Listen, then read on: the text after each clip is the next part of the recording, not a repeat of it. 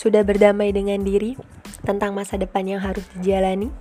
Atau masih berusaha tak mengerti agar tak disalahkan oleh beban hingga lari dari kesulitan? Padahal sebenarnya telah ada paham dalam diri betapa sulit segala sesuatu yang ditunda.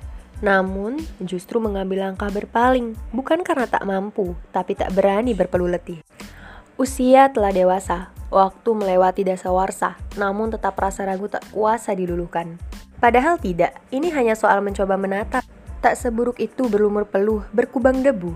Esok, rasa yang terlewat menjadi kenangan bangga. Tak ada rasa takut dan tak percaya diri jika yakin untuk tidak berpaling dan berusaha menatap.